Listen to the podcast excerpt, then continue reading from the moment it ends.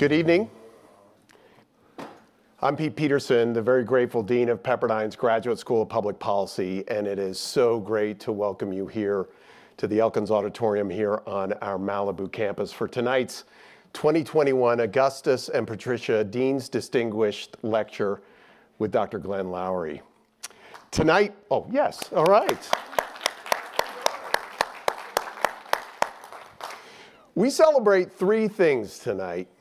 First and foremost, we honor the legacy and vision of Dr. Augustus Gus Tagliaferri, who endowed this Dean's lecture series with a cornerstone gift four years ago. More than a benefactor, Gus was intimately involved in the selection of speakers, often making suggestions from his comprehensive and diverse reading in areas ranging from history through the social sciences. In regular morning meetings over coffee at Stonehouse with Michael, we discussed current events, American history, economics, and the policy school's unique role in preparing tomorrow's public leaders. As many of you know, Gus passed away last December, and with that, we lost not only a great man, but a good man. Originally titled for his late wife, Patty, we have now renamed the series for both of them and I believe from now on, the two of them will always have the best seats in the house. With us tonight are Gus and Patty's son, Michael, and daughter, Karen. Michael, it's been a pleasure working with you in organizing tonight's event, and I look forward to many more collaborations into the future. Please join me in thanking Michael and Karen.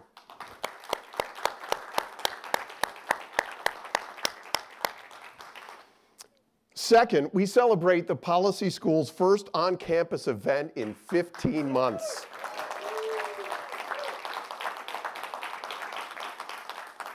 It was always Gus's vision that the importance of supporting a speaker series is that it brings people together to hear from, consider, and question America's leading scholars and policymakers.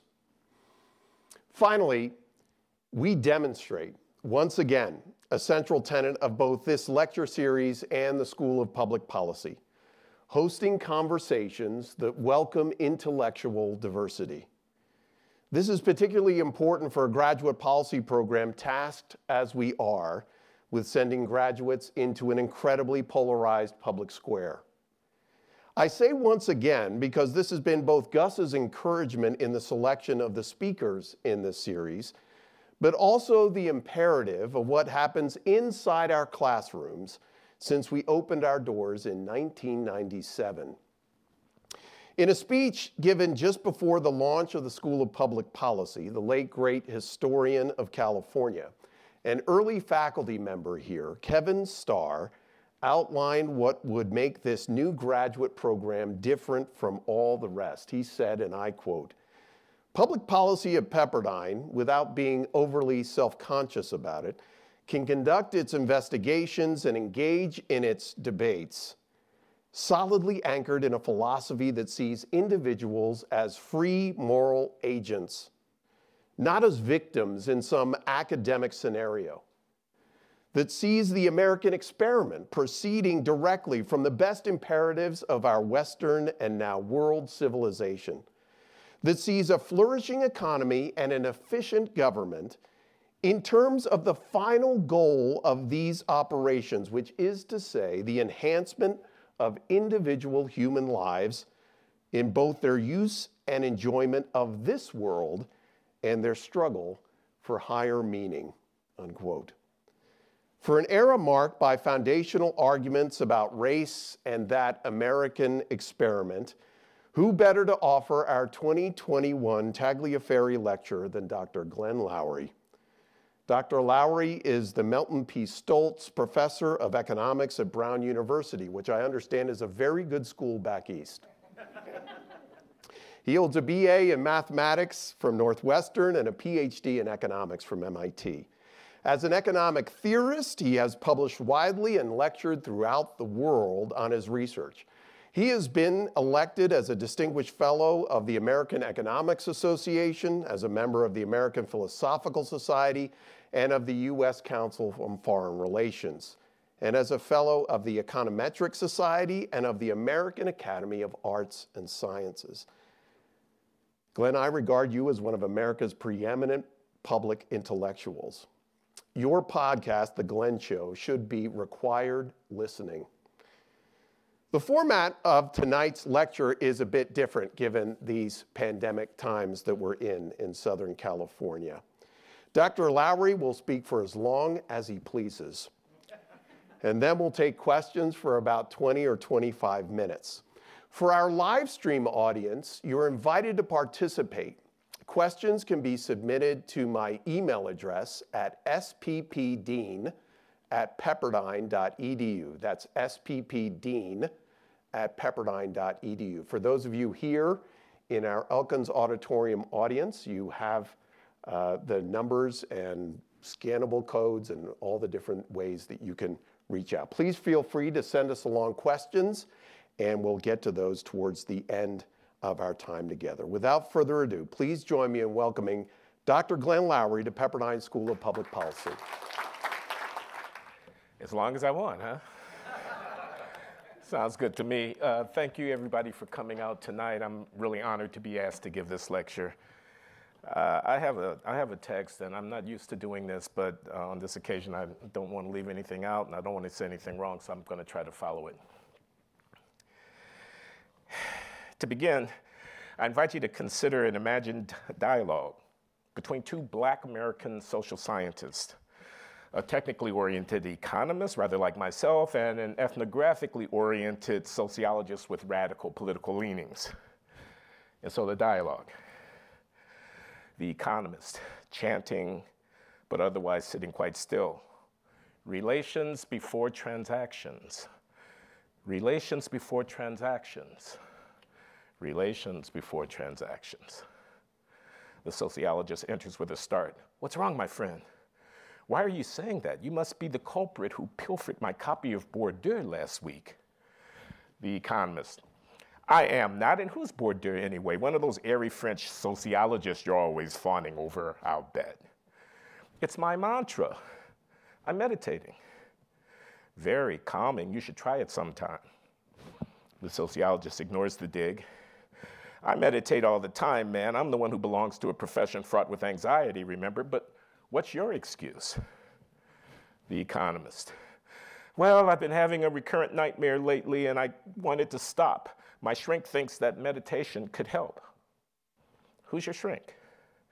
Oh, this brother was my roommate at Swarthmore. Brilliant dude. Works a lot with gunshot victims, inner city types involved in gangs and the drug trade and so on. He thinks they're making passive suicide attempts. Writes books on hopelessness and self loathing, falling into an existential abyss.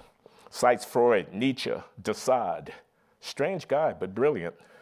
He gave me the mantra promised it would help, and said I should repeat it slowly while sitting quite still and taking deep breaths. The sociologist. Perhaps, but remember what I told you about those pizzas? Not a good idea after midnight. And did you say de Sade?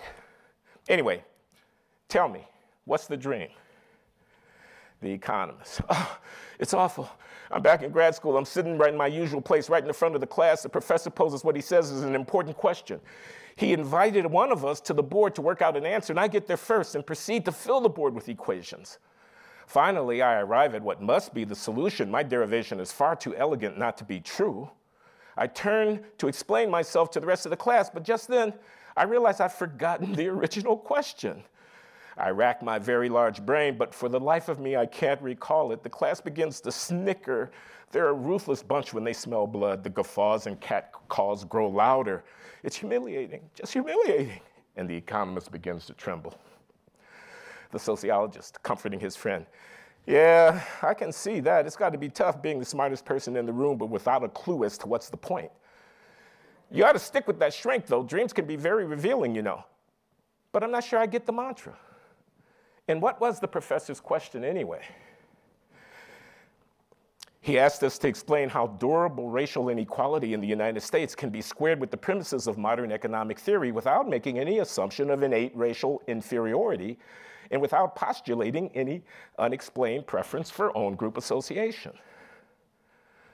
The sociologist, that's a damn good question and a tough one too. You're telling me you ran to the board to take that one on? Brave man. The economist, well, to be honest, in the dream, I always start to the board before he finishes posing the question. Happens the same way every time. I can't stop myself. And the trembling returns. Sociologist in a bright tone, hoping to shift to a happier subject. So, what was your elegant solution? The economist, oh, I'd love to tell you, but it's hopeless. You'd never understand the mathematics. And at this, the sociologist takes offense and storms, storms off angrily while the economist yells after him, Besides, I'm not sure I believe it myself anymore. Anyway, my shrink gave me this mantra and it seems to be helping, and so he returns to his chanting relations before transactions. Relations before transactions. Thus ends the dialogue. It is my hope that the relevance of this opening foray will become clear to you by the time I've completed this lecture. Now that I have your attention, let me be as provocative as I can. I want to talk about the power of narratives to shape racial politics in this country. I have a question. As we all know, George Floyd was killed in Minneapolis by police officer Derek Chauvin, who has been duly convicted of murder by a jury of his peers. The cop was white, his victim black. Here's my question Was that a racial incident? What would we mean if we said that this was a racial incident, beyond the trivial statement that one participant was white and the other black? Well, we might mean that we think we know something about Chauvin's motive when he put his knee on Floyd's neck, that he acted out of racial animus. Alternatively, we could, could be that people identify with the incident and ascribe significance to it due to the race of the participants, quite apart from any discriminatory intent of the people acting in the situation. The fact is, the racial force of this incident is independent of causality and intentionality. Rather, it has mainly to do with interpretation, that is, with narration. The political significance of that event is not determined by the facts alone.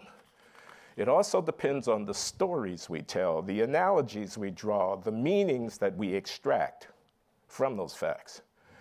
Put differently, whether the killing of Floyd is seen as a racial event or not is to a great extent a choice. So, an important follow up question to ask is why do so many of us insist on seeing events of that kind through a racial lens? I'll leave that with you. For this lecture, there are four P's that I want to use as an organizing principle perennial, personal, political, and perplexing. Perennial. This problem, racial inequality, has been around in America forever. It's central to our national saga. Personal. You may have noticed that I'm black.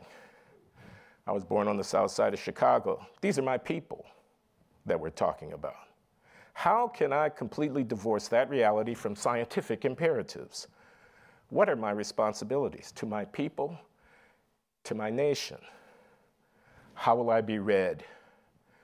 If I speak out with a particular viewpoint, it will be seen in part in the context of my racial identity. I will be understood to have spoken as a black economist, a black professor, a black intellectual, saying whatever I have to say.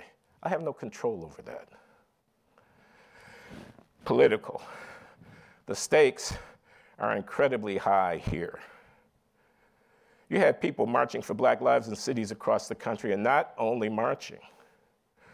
The presidential election was partly enmeshed in this argument ongoing within American society about race, systemic racism, white supremacy, black marginality, diversity, inclusion, equity, and all that. So this issue is very political. Perplexing, because we do have a problem here. We have a social science problem that economists trying to puzzle it out. And we have a challenge to the country problem. We had better attend to it. We stand here now 50 years past the civil rights movement, a half century, a long time. That's a very long time. It's about as long as between Appomattox, where Lee surrendered to Grant, and Versailles, where the Europeans tried to sort out the mess that was World War I. It's a long time. Technology has dramatically changed over the last 50 years. The economy is completely different. Our polity is completely different. Tens of millions of non European immigrants have come to the country in the last half century. Everything is different. And yet, if you look at some of the speeches that are being given, some of the events recorded for posterity in the media, some of the arguments being made about race and inequality in America, it's as if we were still back in the 1970s. Why is this so? It's a real puzzle. Let me say a word about who is Glenn Loury.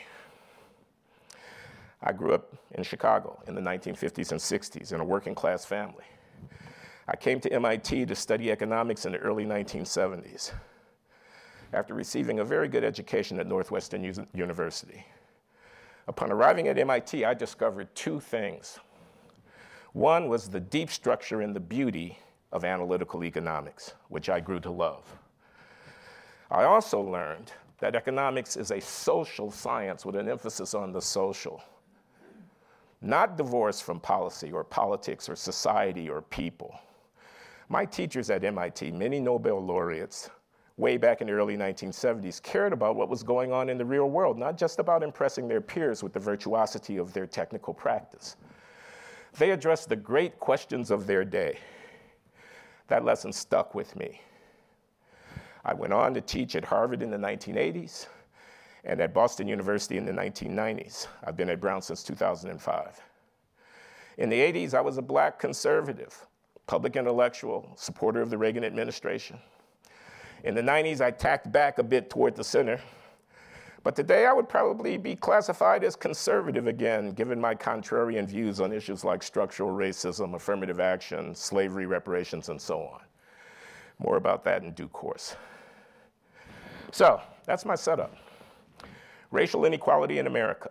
It's been around for a long time. It is a deep political question. It involves me personally, and it's a puzzle. I want to preface the argument to come about persistent racial inequality by invoking this notion of narrative, by at least gesturing toward an appreciation of the power of the story, and by noting that historical evidence does not pin down the stories we tell ourselves about our experience. Indeed, multiple accounts can be consistent with the same facts.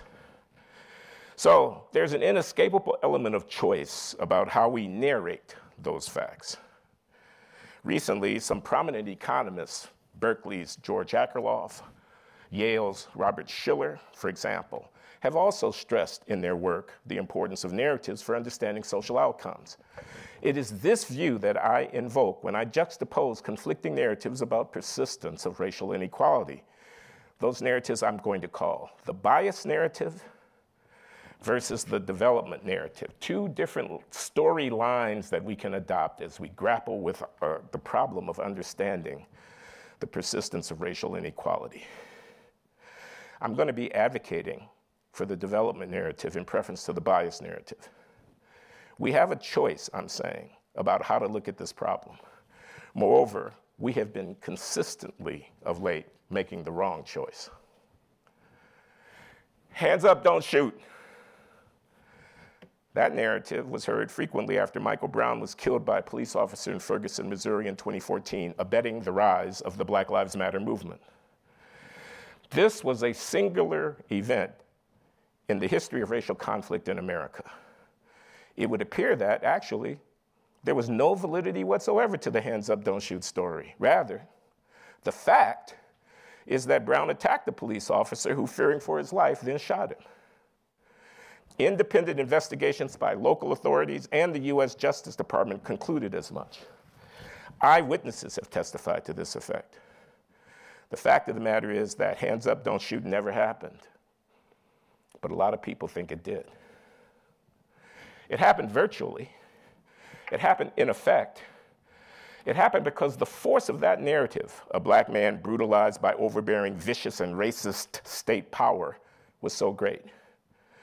For many, that story overwhelmed all facts in the case.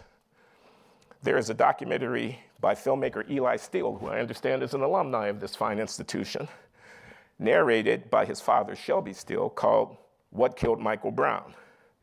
The film reviews the Michael Brown case and concludes that Hands Up, Don't Shoot is what Shelby Steele called a poetic truth, an account so powerfully resonant with a narrative paradigm that it might as well be true.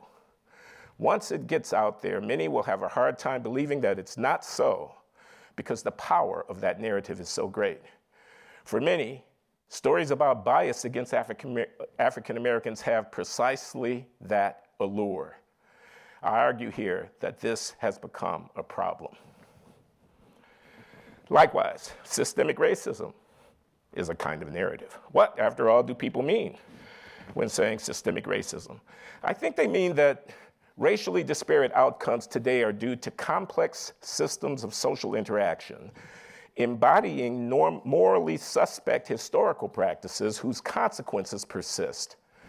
And so, mass incarceration, on this view, is systemic racism because of the way that urban areas are organized, because of decisions society has made about prohibiting traffic in addictive substances due to poor education and inadequate economic opportunity for certain sectors of society, all of which leave black youngsters with no alternative than to engage in the illicit activities for which they are being punished.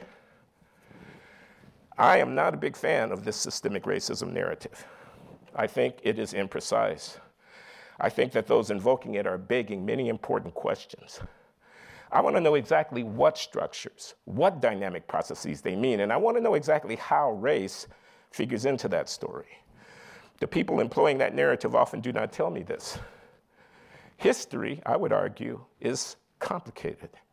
Racial disparities have multiple causes that interact with one another, ranging from culture and politics and economic incentives to historical accident, environmental factors, and yes, the acts of some individuals who may be racist, as well as systems of law and policy that are disadvantaging to some racial groups without having been so intended. It's complicated. So I'm left wanting to know just what they're talking about when they say systemic racism. Use of that phrase expresses a disposition, doesn't it? It calls me to solidarity while asking for fealty, for my affirmation of a system of belief.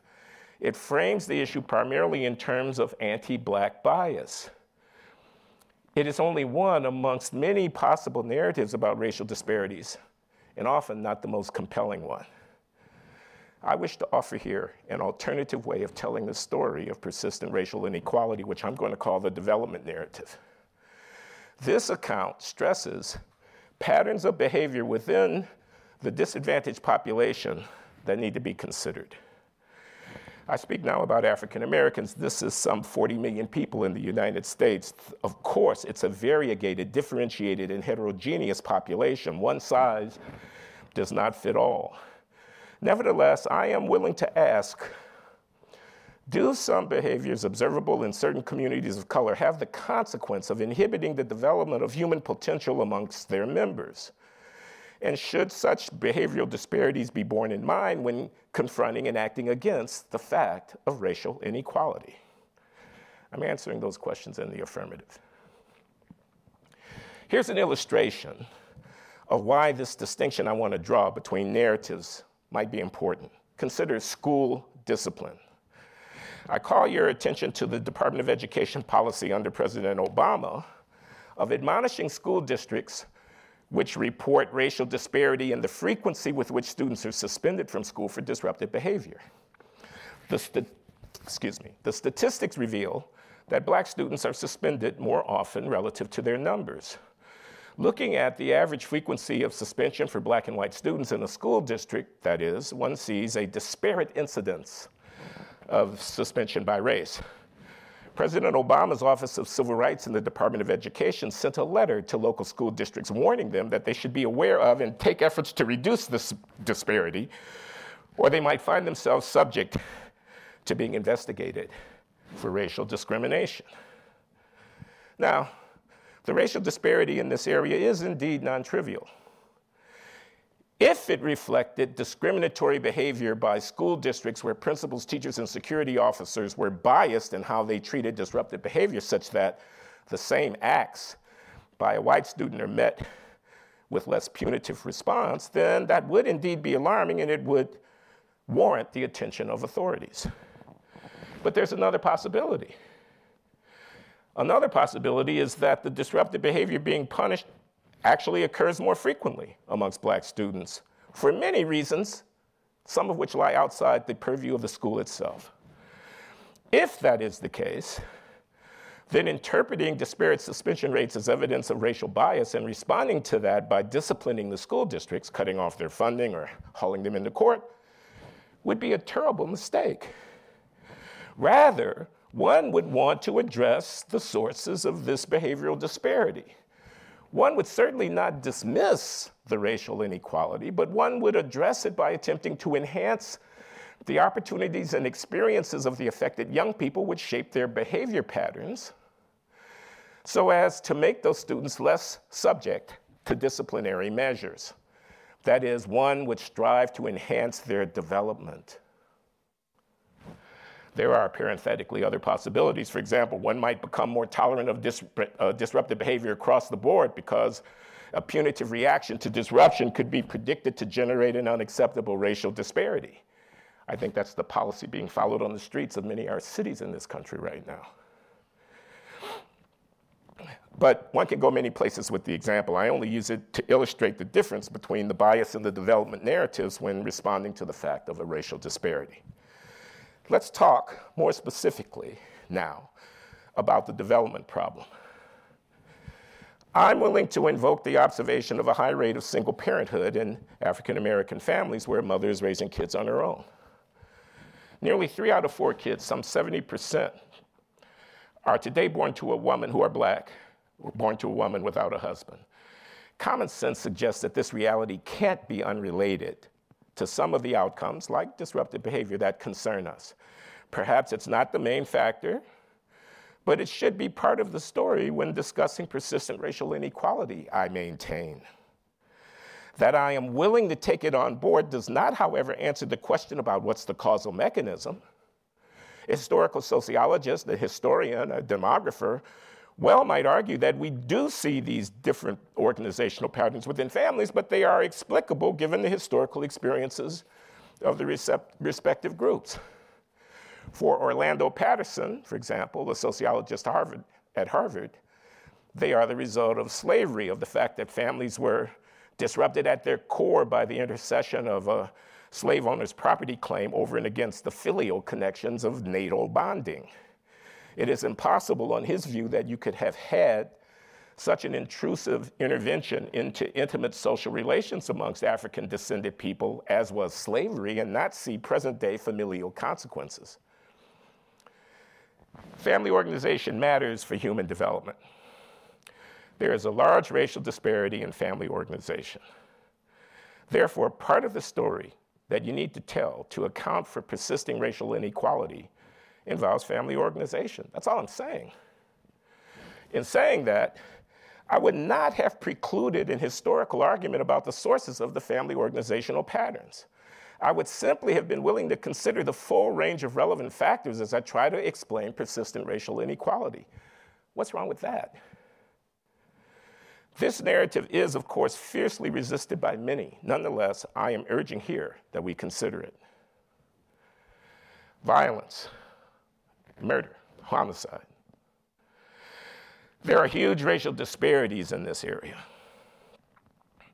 As anyone reading the newspaper knows, this is a reality of contemporary urban America, and there is a tightly networked set of social connections amongst the people who are committing and who are victimized by these acts of criminal violence. Is that phenomenon in any straightforward way a manifestation of bias, of racism? Could it really be about white supremacy? Or is it about the failure of some part of a population to be socialized, that is to say, developed, with the restraint, self discipline, and commitment to civil behavior that, when widely embraced, make ordinary life and commerce in a community possible? Doesn't it matter what story we tell here? A willingness to ask about the behavior of the violent criminals preying on their neighbors and the sources within a community of such behavior is part of what I mean to take the development narrative seriously. Again, I am not saying that we should forego trying to do anything about it, or that our only response should be punitive, or that policy has nowhere to go if the problem is mostly on the development side. Policy obviously has a lot to do with the development side, from better education to subsidized child development to improving parenting skills to helping families move to safer neighborhoods. Nor am I assigning blame since sources outside the community well may be implicated uh, in the developmental deficits. But I'm asserting that behavioral patterns such as these and their cultural antecedents must be taken seriously. Everyone talks about the academic achievement gap. Several groups are suing Harvard University saying that the school's affirmative action practices are penalizing Asian Americans. And the high school, the specialized high schools in New York City, which use exams for their admissions policies, are being pressured to change their selection criteria to ensure that they do not enroll a class of more than 1,000 first year students and have only a handful of black kids among that cohort. If you look at the National Assessment of Educational Progress, a test administered to fourth, eighth, and 12th graders nationwide by the US Department of Education, where a representative sample of American students are regularly tested on their cognitive abilities in mathematics and writing, you can see huge racial disparities in those data. Am I willing to consider the development side when I talk about that problem? Am I willing to ask what's going on in the homes? What do peer groups value? Am I willing to measure how much time people spend on homework? How many books there are? Is there a large disparity in academic achievement? Is that better understood when viewed in terms of the bias or development narrative? That's a question. If you're prepared to discuss the supply side, if you're prepared, that is, to talk about the extent to which members of a disadvantaged, marginalized, oppressed group are nevertheless implicated in their own disadvantage, some will charge that you're blaming the victim. But I reject that charge categorically. It is not assigning blame to simply observe that the labor market has a supply side as well as a demand side, to note that people make choices and engage in behaviors which have deleterious consequences for their future economic prospects. That's not blaming anybody. Of course, those behavioral patterns well may be a consequence of structural conditions and of historical dynamics. On the other hand, if the reflexive response to seeing any such disparity in behavior is to say, well, that's simply due to historical exigency, that has its own moral, philosophic implications in regard to agency that we would want to take on board. That is, regarding the extent to which people can be presumed to control their own lives and the extent to which their communal norms and ways of living are seen as being within their ability to change. This is delicate territory that we enter now. For instance, is it really necessary that the homicide rate be as high as it is in those black communities where it is so high, where rates of interpersonal violence are so great? Is that really how we want to talk about such matters that it must be they are poor after all? To say, what can they do? Of course, there's a high level of violence in poor black communities, goes this story. Look at our structures, our gun laws, our hypocrisy, uh, our drug laws, and so on. Look at the history of racism in this country. Look at the poverty. Of course, there's going to be a higher level of violence. Is that really what we want to say about that situation? It is, in my view, morally repulsive to impute such a lack of agency to people in this fashion. It infantilizes them, it makes them mere puppets at the end of a string being pulled by history in the extreme, it robs them of their human dignity. And perhaps worst of all, it robs a community of its ability to make social judgments and to make them stick. It undermines the capacity to clearly delineate right and wrong ways of living and to urge individuals to live rightly. I am not a philosopher, but I have spent some time with foundations of the metaphysics of morals. I've tried several times to get through that book, trying to understand what Brother Immanuel Kant is talking about. I understand him to be making a principled argument for the capacity to have a theory of morals. And while it certainly may be true, he says, that we are all embedded within the flux and the flow of history and under the influence of forces that lie beyond our control, environmental forces, psychological forces, and such. Nevertheless, the theorists must assume the capacity of individuals to make free will choices about their moral life, or else there's no possibility whatsoever of any theory of morals. So I'm going to sign on to that argument here. When insisting on the necessity to engage the development narrative, alongside talk about bias, the necessity of calling attention to patterns of behavior and value that are internal to a community with it, which limits the success of its members. And when defending myself against the accusation that I give aid and comfort to racists in doing so, or that by making these observations, I'm somehow blaming the victims for their plight. I am not unmindful here of the pitfalls. I can hear the retort, but what will the racists say if you talk like that? And there are racists. Whatever the merit, says this critic of such a narrative, in a society like the one we live in, where many people are much less sympathetic than are you to the well being and the aspirations of black people, some will take your words, the words of a black man, as license to entertain their own racist thoughts about why racial inequality persists. It's true. Some will. I cannot prove all of this scientifically, but as between the two paths, withholding arguments I think to be true in order to manage political discourse versus giving voice to such insights as I think I might have, subject to rebuke, repudiation, and refutation by other critics, so as to enliven and enrich the political and public discourse, I choose the latter course. I am willing to take the risk of telling the truth as best I can discern it, even though I cannot calculate all the political consequences which may flow from doing so. Nor should it come as a surprise in a society with our racial history that such behavior patterns might differ by race. Indeed, I would argue that so long as race is a meaningful part of people's identity, with those meanings being reproduced via patterns of social affiliation, then there will be racial disparities in the structure of social networks within which people are embedded. And moreover, when network mediated spillovers in human capital acquisition are important, this means that there will be persisting racial disparities of developmental outcomes. And that brings us back to where I started this lecture, claiming that relations are prior to transactions.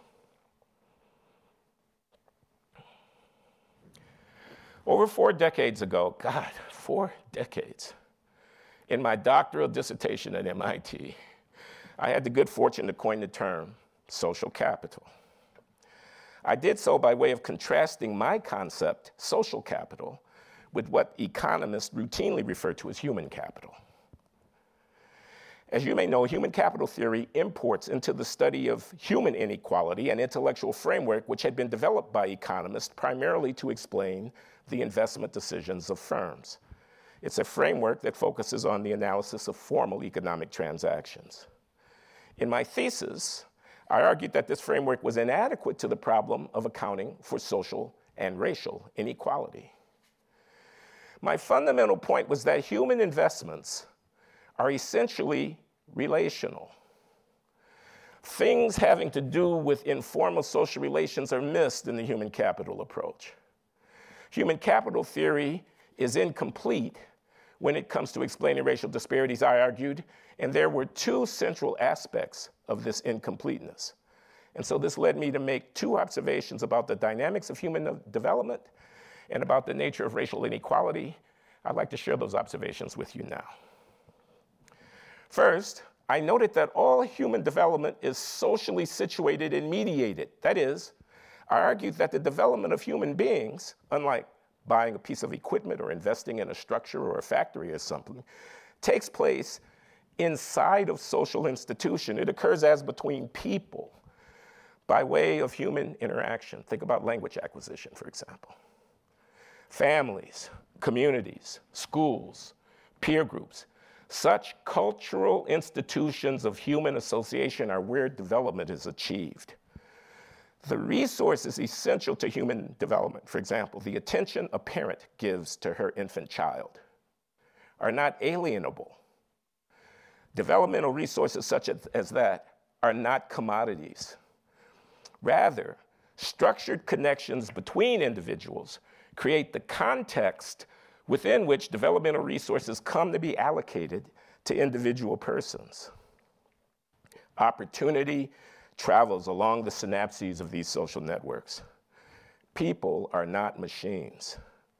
Their productivities, which is to say their behavioral and cognitive capacities which bear on their social and economic functioning, are not merely the result of the mechanical infusion of material resources. Rather, these capacities are the byproducts of social processes which are mediated by networks of human affiliation and connectivity. This was fundamentally important, I thought, in 1976 and still think in 2021 for understanding persistent racial disparities in this country. That was the first point that I wanted to make all those years ago about the incompleteness of human capital theory. My second observation was that what we are calling race in America is mainly a social and only indirectly a biological phenomenon. The persistence across generations of racial differentiation between large groups of people in an open society where people live in close proximity to one another provides irrefutable evidence of a profound separation between the racially defined networks of intimate social affiliation within that society. Put directly, there would be no races in the steady state of any dynamical social system unless, on a daily basis in and in regard to their most intimate affairs, people paid assiduous attention to the boundaries separating themselves from racially distinct others.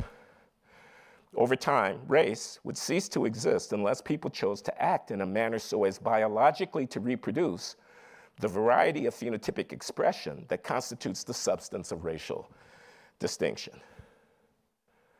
I cannot overemphasize this point. Race is not something given in nature. Rather, it's socially produced. It's an equilibrium outcome, something that we're making. It's endogenous. It follows from these two observations that if the goal is to understand the root of durable racial inequalities, we will need to attend in some detail to the processes that cause race to persist as a fact in the society under study because such processes almost certainly will not be unrelated to the allocation of developmental resources in that society. That is, the creation and reproduction of racial inequality rest on cultural conceptions about identity that are embraced by people in that society, the convictions people affirm about who they are and about the legitimacy and desirability of conducting intimate relations with racially distinct others. And here I do not only mean sexual relations. My impulse to contrast human and social capital all those years ago was rooted in my conviction that beliefs of this kind ultimately determine the access that people enjoy to the informal resources required to develop their human potential. And so, what I was calling social capital in that thesis was, on this view, a critical prerequisite for creating what economists refer to routinely as human capital. This point is critical I believe, if we're going to understand the persistence of racial inequality in America today. That is why I believe it is so important to focus attention on the development side of the equation. I wish to repeat, doing so in no way requires that we blame the victims. Historically oppressed groups, time and again, have evolved notions of identity that cut against the grain of their society's mainstream a culture can develop among them that inhibits talented youngsters from taking the actions needed to develop their talents. Now, given such a situation, I wish to ask do the kids in a racially segregated dysfunctional peer group simply have their own utility functions? I think it's a mistake to attribute dysfunctional behavior of an historically oppressed group of people to them simply having the wrong values or the wrong preferences when those preferences will have emerged from a set of historical experiences that reflect the larger society's structures and activities. Another way of saying this is that when thinking about racial disparities, social relations come before economic transactions. When ethnic communities and their local cultures are not integrated across boundaries of race in a society, then inequalities may persist, not mainly because of racial bias in market transactions, but more fundamentally, because of complex, morally ambiguous, and difficult to regulate relationship patterns reflecting what people see as the meanings which give significance to their lives, and most critically, from the structures of social connectivity to which those meanings have given rise. These relationship patterns affect the opportunities people of all races enjoy to develop their human potential. Okay, so I want to shift gears a little bit now and talk about equality and equity.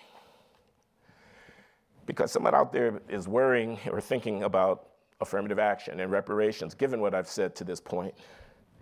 Surely, if I believe that racial inequality is rooted in social relations, then I must favor those policies, no?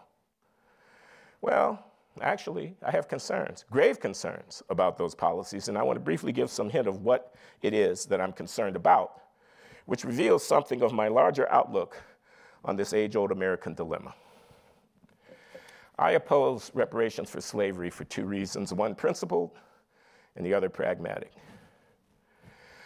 When the Japanese Americans who had been interred by the Roosevelt administration during the Second World War were finally, in an act of Congress signed into law by Ronald Reagan and presided over by George H.W. Bush, acknowledged as having been wrongly victimized and offered a token reparation payment, it was all of $20,000 a head and it went out to 80,000 people. That's $1.6 billion paid out of the US Treasury as well it should have been, in my view. By contrast, we have some 40 million African Americans in this country, and if you take the modern equivalent of 40 acres and a mule and you bring it forward at a normal interest rate, you're reaching astronomical sums. Maybe 100,000 a head with inflation. 40 million people, that's $4 trillion with a T, compared to 80,000 people and $1.6 billion. There are some scholars who even estimate larger sums, purportedly due to black Americans because of slavery. Now, here's what I want to say. Enacting such reparations for slavery would be to create a social security scale of magnitude fiscal policy in America, the benefits from which would be based on racial identity. Please don't do that to my country. That is a monumental mistake. It is South Africa esque our government would have to classify people, enact statutes, appropriate funds, and administer their distribution on a massive scale based upon the race of citizens. America ought not to go down that path, even if the courts were to allow it, and I have my doubts about that. My practical argument is that remedying racial disparities as a matter of human decency, ought to be left as an open ended commitment, commitment.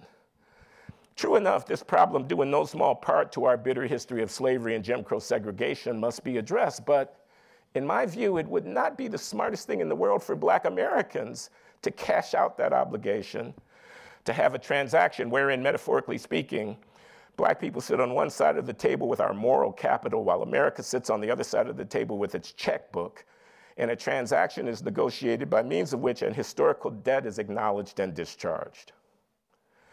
We ought not to be in a hurry to commodify that obligation, obligation, I would say.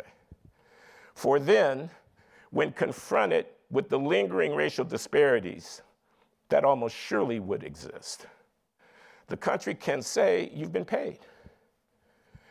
Rather, what we should do is take our moral chips, such as they are, combine them with other like minded political initiatives, and aim for creating a decent society for everyone whether that concerns healthcare or housing or food insecurity or employment or education or old age security. Were these efforts to be sufficiently robust on behalf of everybody, the most pressing concerns about historically engendered racial disparity having to do with extreme deprivation would be ameliorated, and we will have lent our moral capital, that is, black people, to a righteous cause, namely, not a racially defined reparation, but a humanely defined improvement in the quality of the nation's social contract. Black people ought not to strive to negotiate a separate moral settlement with America. That's my position. One final word about affirmative action. We're now 50 years down the line with this policy. It has been institutionalized diversity, inclusion, equity, and belonging. In practice, what that means is affirmative action. I have a concern, though, which is that equality of representation, when you are in the most rarefied venues of selection, actually is in conflict with equality of respect. Let me repeat that. Equality of representation is in conflict with equality of respect in the most selective venues uh, of human performance. I'm specifically referring here to selecting in the right tail of the distribution of talents, not at the population median.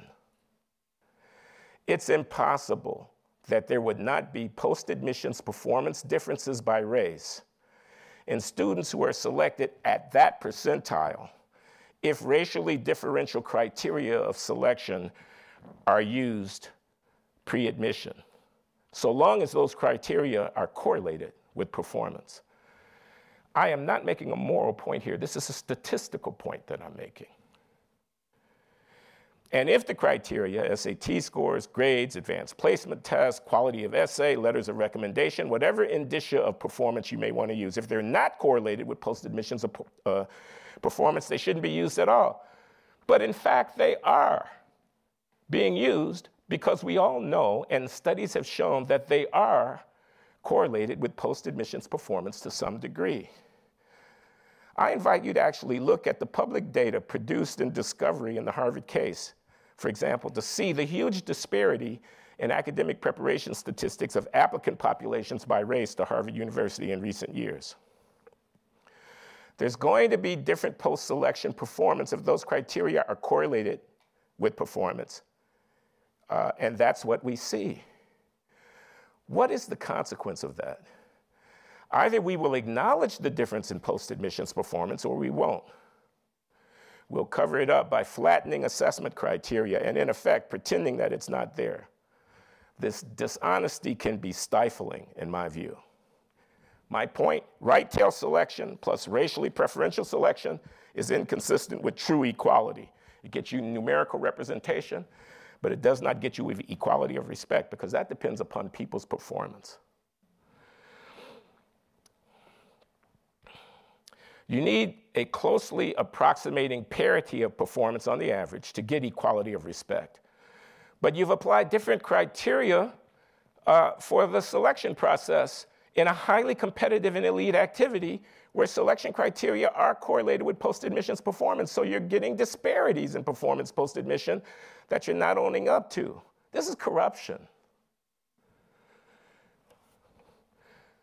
So, many have observed that there are not enough black economists on the faculties of leading universities. We can do better, it is said. We should be more diverse and inclusive in the top departments in the country. I'm not against there being more black economists. I'm not. There should be at least two black economists in each department, let's say. Maybe I could agree with all of that. But suppose there are just not enough top flight black economists to go around. Dare we face that reality? If doing better means making the criteria of selection into this rarefied enterprise of academic economics at the top depend upon the racial identity of job applicants, and this is happening, then you're not going to get equality. Instead, you're going to get some degree of black mediocrity. I don't take any pleasure in saying that. But the fact is currently unsayable It's unsayable to observe openly that there could be racial differences in performance in venues such as this. And yet I get emails. I'm a partner at a big law firm in New York City. Here's what I can't say publicly, please don't quote me. Many of our associates who are of color are not up to snuff, but we hired them anyway because some of them are going to have to be made partner here. And I shudder at that prospect. That's not equality.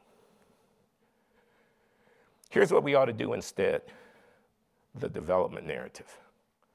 We ought to devote our efforts to enhancing the development of African American prospects such that when you apply roughly equal criteria of selection at the right tail, the numbers of blacks selected go up, but based on achievement. You should not increase the number of successful applicants by changing standards to achieve racial parity. That's a huge mistake. We will reap the whirlwind.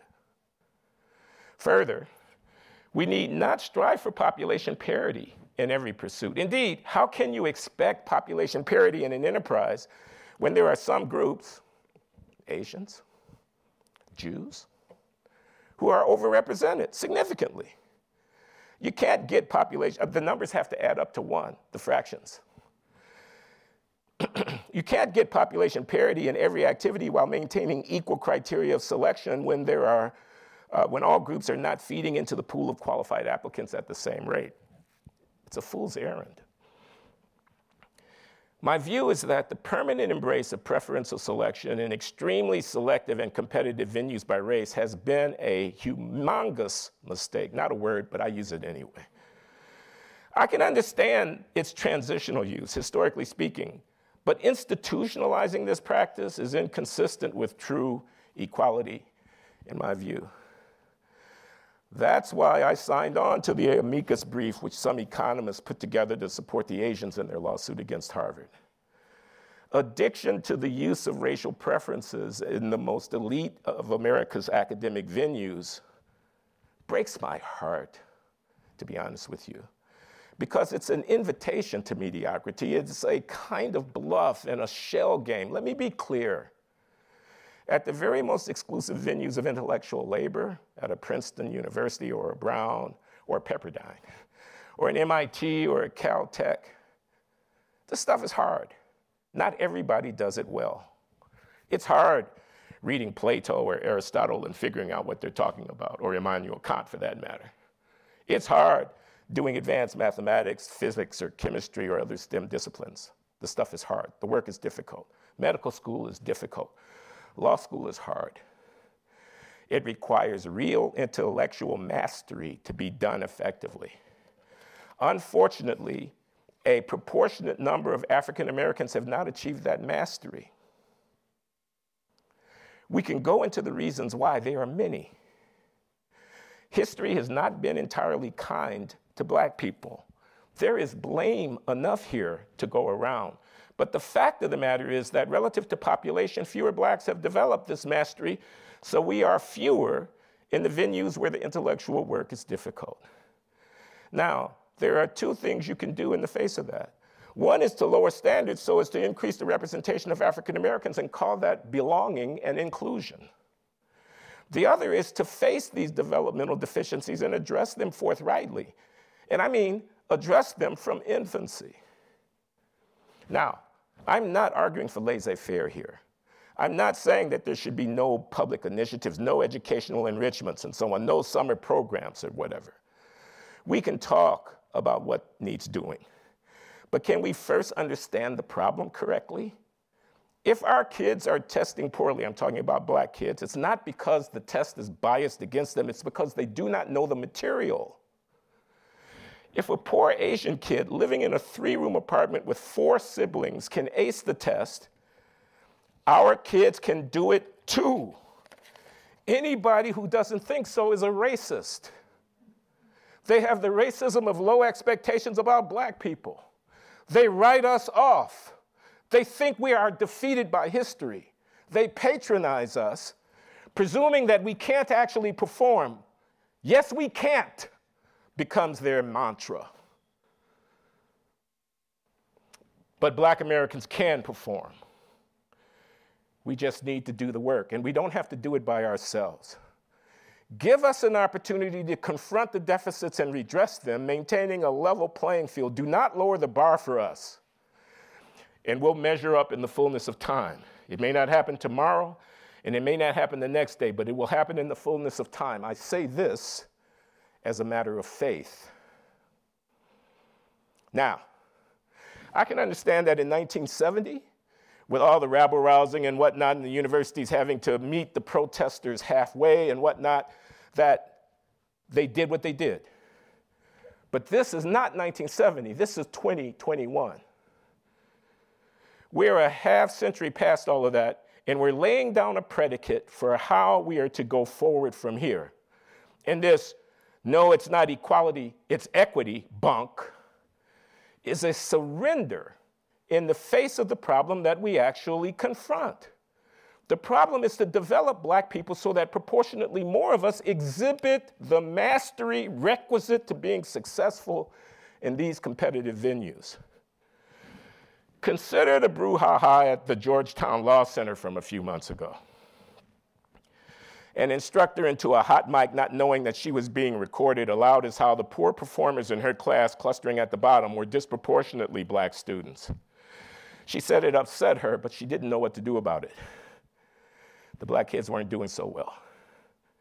Do you know what happened when it was revealed that she had made these remarks? Students and faculty of all races proceeded to declare Georgetown Law to be a racist institution. It was demanded, and the dean acceded to the demand that this lecturer be fired. White faculty were called upon en masse to get together and issue a statement acknowledging their white privilege and taking responsibility for the poor performance of the black students in the law school. Now, here's what I know contracts, torts, constitutional law, civil procedure. This is what you study in law school. It's intellectually demanding work.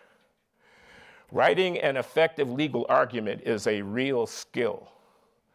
What the lecturer was reporting is that the black kids at Georgetown, one of the most elite law schools in the country, disproportionately lack that skill which is a predictable consequence of using less rigorous standards when admitting them in the first place.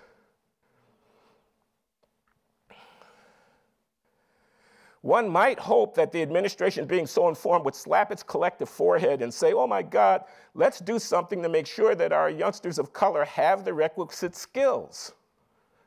Instead, they retreat behind an institutional racism smokescreen.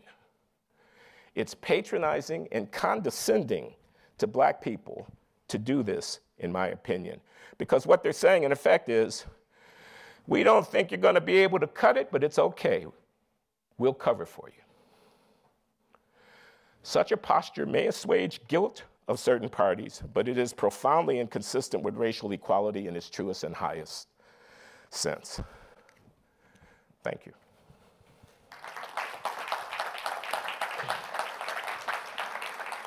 So we're going to go to some questions now. I've been texted several. And again, for our audience on live stream, you can send your questions via email to sppdean at pepperdine.edu.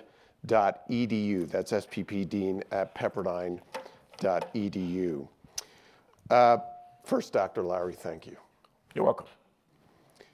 A question um, comes in relative, relevant to um, some experiences that we're having here at Pepperdine University about the teaching of critical race theory. The question regards the reality that and the hope on, uh, on the part of some on faculty that CRT is a part of the curriculum, but uh, not the orthodoxy. I think you've laid out some points here as to whether that can be considered as part of the curriculum and discussion, but not the entire thing. Is this something that can be incorporated into a liberal arts curriculum? And if so, how? Oh, gosh. Okay, it depends obviously on what you mean by critical race theory.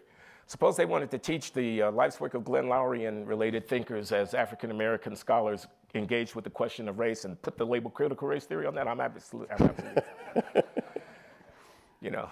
But no, seriously, Uh, there are some books. Uh, Derek Bell's book, Faces at the Bottom of the Well. The late Derek Bell was a law professor at Harvard. He is one of the founding figures in the School of Legal Studies that has blossomed into what is now being called critical race theory. Uh, if uh, a course wanted to adopt that book, along with many other books in the context of reviewing the intellectual history in the second half of the 20th century of grappling with racial inequality, I wouldn't prevent them from reading that book. I wouldn't prevent them from reading James Baldwin. I wouldn't want to try to keep them from reading uh, Toni Morrison's Beloved or other works of reflection about the African American experience and about racism and inequality, which might fall within the large frame called critical race theory. On the other hand, if they want to limit the, uh, the reading list in that course to some of these uh, latter day books of which I am sharply critical have been at my podcast. One thinks of Robin DiAngelo, uh, uh, White Fragility. One thinks of Ibram X. Kendi, uh, How to Be an Anti-Racist. One thinks of Ta-Nehisi Coates, Between the World and Me, and so forth. Again, one can read these books, but to read only those books and to have the curriculum be an indoctrination in that particular framing of the racial question, I think would be a mistake. Not just a mistake, it'd be a travesty, really. You'd be betraying these kids. You'd be, in effect, propagandizing them. Uh, I think a useful exercise might be undertaken by taking a Thomas Sowell on the one hand and an Ibram X. Kendi on the other, and we can spend a couple of three weeks going through these texts. I feel sorry for Brother Kendi because he's going to lose that one, in my humble opinion, because, you know, okay, I can make my argument for Thomas Sowell's books. But would I try to stop an instructor from teaching Ibram X. Kendi's book? No. I would want to object, however, if, if I were the dean or the whomever, trustee or whomever, concerned parent, a donor, and I'm looking at a reading list and all I see is a propagandized thing and I don't see a effort to try to deal with the question in a balanced way, uh, I would object to that. I think that would not be good for any institution. Some other questions are coming in regarding uh, the question of faculty. You've written, I remember uh, last spring or summer, there were some um, missives that came out from the president at your university that you responded to. Uh, the question asked specifically that with faculty having at least some protections related to tenure, how come there aren't more Glenn Lourys out there? Oh, that's an invitation to self aggrandizement. I'm going to decline. Uh, let me just tell people who might not know what I actually uh, did to earn that accolade, which was uh, George Floyd got killed. And we all know how the country was agitated in the aftermath of George Floyd's killing, a moment of racial reckoning, it was said. And the president of my university issued a letter to the entire university community. That's all the students, that's all the faculty, that's all of the alumni, et cetera. In effect, declaring solidarity with the Black Lives Matter line on what was going on in the country. It was a racial incident. It was one in a string of such killings. It's open season on black people. It's uh, the present day instantiation of an age old American dilemma going back to lynching and so forth and so on. And the letter was signed by every top administrator from the person who manages the university's portfolio to the general counsel to the dean of the School of Public Health and so on and so forth, in lockstep behind a political letter issued on behalf of the university. In my objection, I'm dodging the other question because it's embarrassing. Uh, my objection was twofold. One was universities don't have political positions. We're a university. What we are here to do is critically assess and argue evaluate evidence and reason. We are not here to be banner wavers. You're waving a banner. And to have the top of the administration do it in lockstep had a chilling effect. It was like a party line document that we believe the following thing. Well, no, we didn't all believe the following thing. There was much to be discussed there. What example were we setting for our students, my students? How do I stand up in a classroom and address my students about these matters when the word has come down from on high that this is how we're supposed to think about it.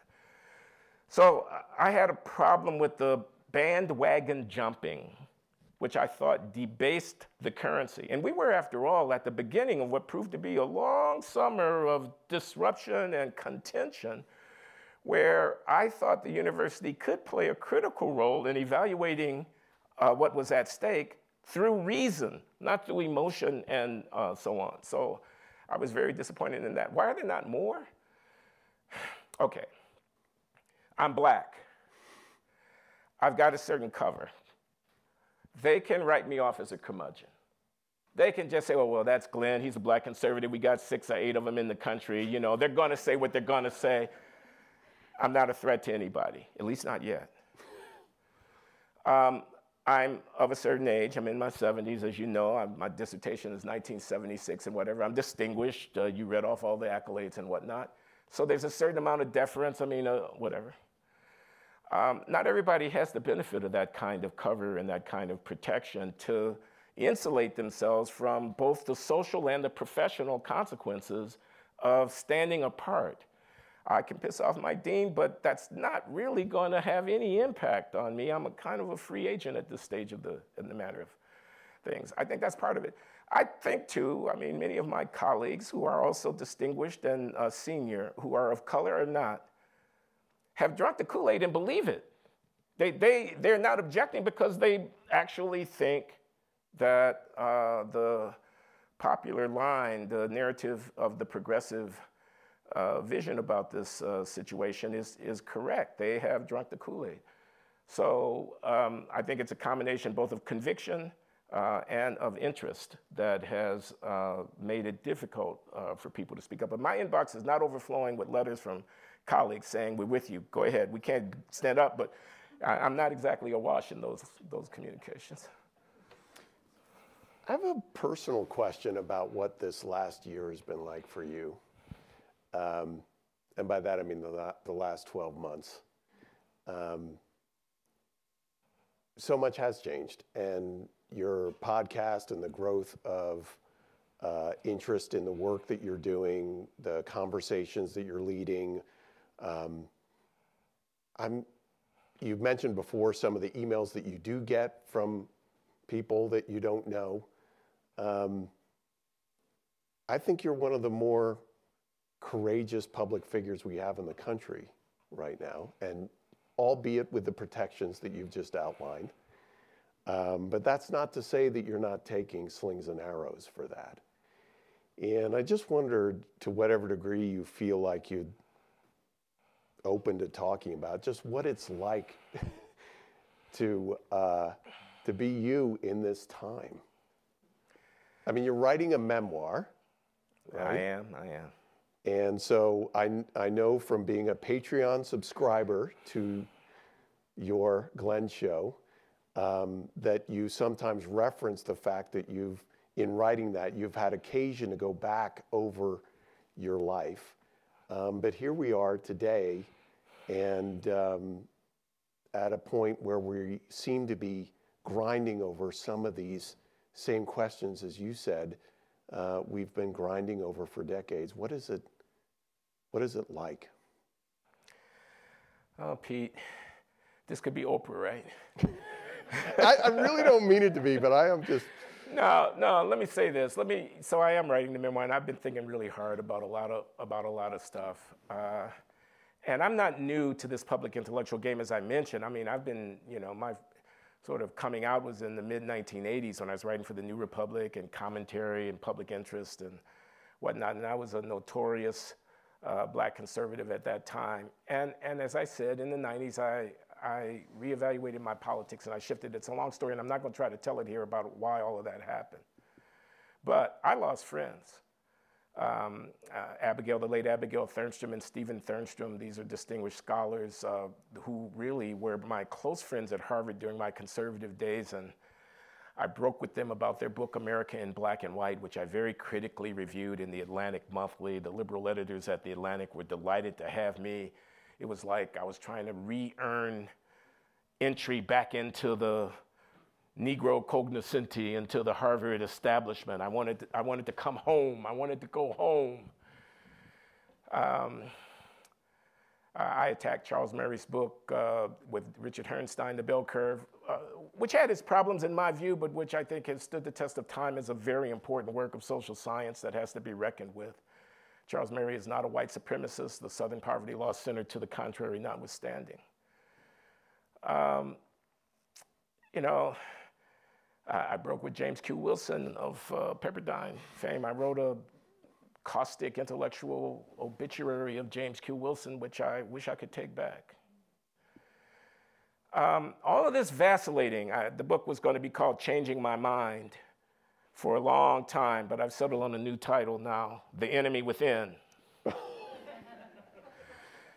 all this vacillating, all this changing my mind and whatnot, the lack of constancy, the lack of conviction, I mean, the, the lack of the courage of one's own convictions, uh, the appeal to the crowd. I'm to some degree ashamed of the extent to which I let the quest for that kind of co racialist affirmation I wanted to be black. I wanted people to see me as black. I wanted to be accepted as black. I wanted to be okay. I can still remember this meeting. It was, it was shortly after 9 11, uh, 2001, when a group of uh, intellectuals at Harvard, Henry Louis Gates Jr., and Cornel West, and others, had a convocation of kind of how do we think about the new world that we live in after 9 11. And Jesse Jackson was an outside speaker who was invited. This was 20 years ago. And I was in the audience and I was still in the doghouse with these guys. And Jesse allowed from the platform that I was okay. He said, I see you out there, Glenn Loury. That, that brother, yeah, yeah, yeah, but, but he okay. And I just felt so good, the warm embrace of my folk. It's not funny, man. Being in the doghouse is not funny. Um, and uh, I have come in the fullness of time, and it has affected my behavior in the last year to, to regret some of the moves that I made and to realize, I mean, how many shots are you going to get? Okay, I'm 72. To realize it's time to call it the way you see it. Let the chips fall where they may. It's time to call it well. You don't want to go to your grave regretting that you didn't actually stand up for what you believed in. So, this last year, quite serendipitously, has afforded me an opportunity to be clear clarity. Okay? So, not without nuance, not, not without subtlety, not without qualification, not without a depth of learning on which I, forgive me for self aggrandizement, can rest so that I can see the whole picture, but clarity. And that's, I'm on a mission, man. Please join me in thanking Dr. Glenn Loury. Thank you. Thank you. Well, Dr. Loury, it's been such an honor to have you here. And knowing that apparently you're a free agent makes me very happy as a dean because we are going to talk about ways that we might engage you further as that free agent. Uh, thanks so much for joining us. Thank you to our live stream audience as well for your questions and for joining us. Uh, stay tuned as we put this video up together um, on our YouTube channel and uh, stay tuned for our next event here at Pepperdine School of Public Policy. Thank you all. God bless you and good night.